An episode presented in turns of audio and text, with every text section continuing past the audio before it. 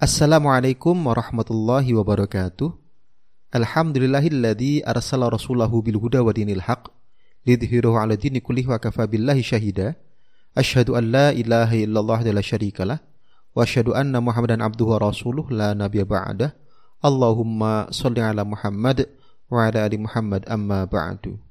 Pendengar buletin dakwah kafah rahimakumullah kembali hadir di tengah-tengah Anda semua buletin kafah Kali ini edisi 176, tanggal 1 Jumadil Akhir 1442 Hijriah bertepatan 15 Januari 2021 Masehi. Kali ini akan mengangkat tema Jaminan Sosial yang Sempurna dalam Islam. Bismillahirrahmanirrahim. Pandemi telah berjalan hampir setahun. Ia telah menciptakan problem kesehatan. Pandemi juga memukul perekonomian masyarakat, baik global maupun di tanah air sektor perekonomian terpuruk, banyak usaha gulung tikar, PHK meluas. Menteri Tenaga Kerja Republik Indonesia menyebut ada sekitar 3,5 juta warga terkena PHK. Jumlah ini menambah angka pengangguran terbuka di tanah air hingga mencapai 10,3 juta jiwa. Jika keadaan ini berlangsung terus, kehidupan sosial masyarakat makin tertekan Sebagian berkurang drastis penghasilannya. Sebagian lainnya kehilangan mata pencaharian. Banyak saudara kita yang membutuhkan jaminan kebutuhan hidup dari pihak lain sambil menunggu kesempatan mencari nafkah. Pendengar rahimakumullah. Kewajiban nafkah. Mencari nafkah adalah salah satu kewajiban yang memiliki banyak keutamaan dalam pandangan Islam. Nabi Shallallahu Alaihi Wasallam menyebutkan bahwa harta yang terbaik adalah yang didapat dari jerih payah sendiri bukan dari pemberian orang lain. Sabda beliau, La an yahtatiba ahadukum husmatan ala dhuhrihi khairum min ayyas ala ahadan fayu'tiyahu aw yamna'ah. Lebih baik seseorang bekerja dengan mengumpulkan seikat kayu bakar di punggungnya daripada dia meminta-minta atau mengemis kepada orang lain. Lalu ada yang memberi dia dan ada yang menolak. Hadis riwayat Al-Bukhari. Kewajiban mencari nafkah ini memiliki rincian dan ketentuan tersendiri dalam Islam. Pertama, kaum perempuan, yaitu ibu, istri, saudara perempuan, dan anak perempuan, tidak dibebani kewajiban mencari nafkah. Kedua, kaum lelakilah yang diperintahkan untuk menjamin kebutuhan pokok berupa sandang, pangan, dan tempat tinggal bagi tanggungan mereka secara ma'ruf. Allah Subhanahu wa taala berfirman dalam Quran surat Al-Baqarah ayat 233. A'udzu billahi minasyaitonir rajim. Bismillahirrahmanirrahim. Wa 'alal mauludi lahu rizquhunna wa kiswatuhunna bil ma'ruf. Kewajiban ayah memberikan makanan dan pakaian kepada para ibu dengan cara yang baik. Allah Subhanahu wa taala juga berfirman dalam Quran surat At-Tolak ayat 6 A'udzu billahi minasyaitonir rajim. Bismillahirrahmanirrahim. Askinu hunna min haitsu sakantum min wujdikum wa la tudarruhunna li tudayyiqu alaihin. Tempatkanlah mereka para istri di tempat kalian tinggal menurut kemampuan kalian. Janganlah kalian menyusahkan mereka untuk menyempitkan hati mereka. Nafkah seorang lelaki untuk keluarganya adalah dengan kadar yang ma'ruf, sesuai kelayakan masyarakat, namun juga sesuai kemampuannya dalam memberi nafkah. Tidaklah Allah Subhanahu wa taala membebani seseorang di luar batas kemampuannya. Bisa Anda lihat di surat At-Tolak ayat 7.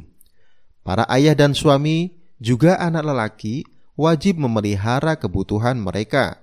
Mereka haram menelantarkan anggota keluarga yang menjadi tanggungan mereka Nabi Shallallahu Alaihi Wasallam bersabda, "Kafa bil mar'i isman ayyah bisa aman yamliku qutah."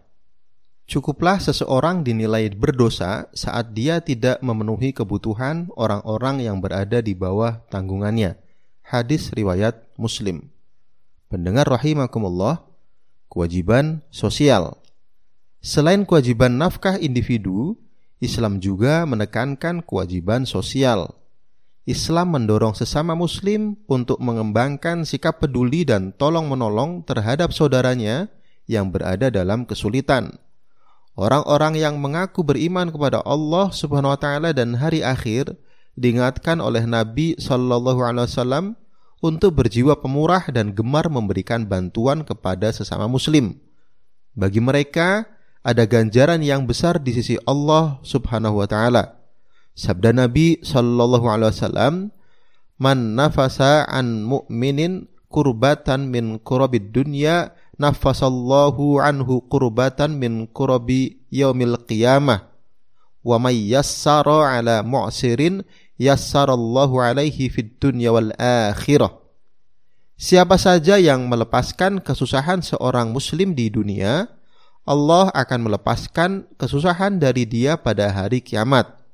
Siapa yang memudahkan seorang muslim yang sedang kesulitan, maka Allah akan memudahkan kesulitannya di dunia dan akhirat. Hadis riwayat Muslim. Setiap muslim harus selalu ingat bahwa di dalam harta mereka terdapat hak orang lain, yakni orang yang meminta-minta karena kebutuhan dan mereka yang terhalang mendapatkan harta. Karena itulah sudah semestinya seorang muslim tidak ragu mengeluarkan sebagian hartanya untuk menolong sesama Allah Subhanahu wa taala berfirman dalam Quran Az-Zariyat ayat 19, A'udzu billahi minasyaitonir rajim. Bismillahirrahmanirrahim. Wa fi amwalihim haqqul lis-sa'ili wal mahrum. Pada harta-harta mereka ada hak untuk orang miskin yang meminta-minta dan orang miskin yang tidak mendapat bagian. Dalam ayat di atas tercantum kata al-mahrum. Menurut Qatadah dan Az-Zuhri, ia adalah orang miskin yang tidak meminta-minta lantaran sifat ifah atau menjaga kemuliaan diri. Menjadi pengemis haram hukumnya. Meminta-minta hanya bisa dibenarkan karena tiga alasan, yakni karena menanggung utang orang lain, kehabisan harta sehingga butuh sandaran hidup, dan tertimpa kesengsaraan. Hadis riwayat Muslim.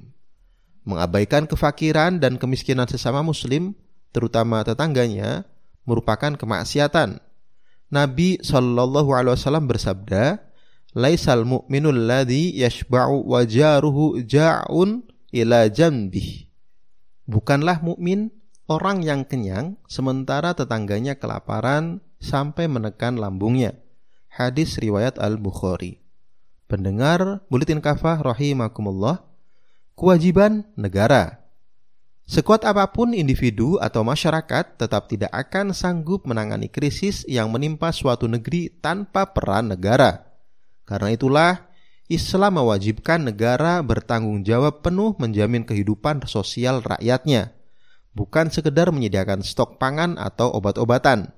Negara juga wajib memastikan bahwa semua rakyat dapat memenuhi kebutuhan pokoknya, baik dengan harga yang terjangkau dan atau memberi mereka secara cuma-cuma, terutama warga yang tidak mampu.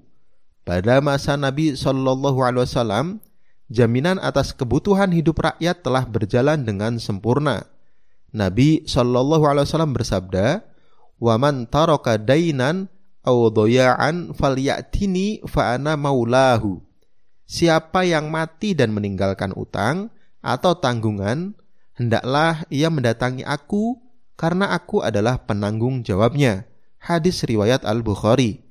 Imam Asyaukani berkata, ketika Allah Subhanahu wa taala memberikan kemenangan kepada kaum muslim pada suatu negeri dan berlimpah harta, maka siapa saja yang meninggal dalam keadaan memiliki utang, ia berhak dilunasi utang-utangnya dari Baitul Mal kaum muslim. Dikutip dari kitab Tuhfah Al-Ahwazi, jilid 3 halaman 142. Pada masa Khulafaur Rashidin, pelaksanaan jaminan sosial ini juga terlaksana dengan sempurna. Pada masa Khalifah Umar bin Khattab radhiyallahu misalnya, pernah terjadi masa paceklik yang berkepanjangan pada tahun 18 Hijrah usai pelaksanaan ibadah haji. Hampir sepanjang tahun itu hujan tidak turun. Saat itu tanah berwarna kelabu akibat debu. Para ahli sejarah menyebut masa itu sebagai Am Ramadah atau tahun abu. Kelaparan terjadi di mana-mana akibat gagal panen. Ribuan orang berbondong-bondong datang ke ibu kota khilafah Madinah. Mereka meminta bantuan negara. Khalifah Umar radhiyallahu an bergerak cepat dengan menyediakan dapur masal. Beliau meminta bantuan pasokan pangan dari para gubernurnya di luar Madinah. Abu Ubaidah bin Jarrah datang dengan membawa 4000 hewan tunggangan yang dipenuhi makanan. Abu Musa al-Ash'ari, gubernur Basrah atau Irak, juga mengirimkan bantuan. Gubernur Mesir Amr bin As radhiyallahu an mengirim bantuan makanan dan pakaian yang dikirim lewat darat dan laut. Lewat laut, dia mengirim 20 kapal yang memuat gandum dan lemak. Lewat jalur darat disiapkan seribu unta yang mengangkut gandum dan ribuan helai pakaian. Gubernur Syam, Muawiyah, mengirim 3000 unta yang membawa gandum dan 3000 unta lainnya untuk mengangkut pakaian. Dari Kufah atau Irak, datang bantuan 2000 unta yang membawa gandum. Negara terus melayani dan mencukupi kebutuhan rakyat. Akhirnya Allah Subhanahu wa taala memberikan pertolongan kepada kaum muslim dan masa kekeringan itu pun berakhir. Jika kas negara atau baitul mal tidak mencukupi kebutuhan darurat, khilafah diizinkan memungut pajak atau doribah untuk memenuhi kebutuhan rakyat. Namun, Pungutan pajak ini bersifat temporer, hanya saat mendesak atau darurat. Dalam Islam tidak semua warga dipungut pajak, hanya kaum muslim yang kaya yang dikenakan pajak.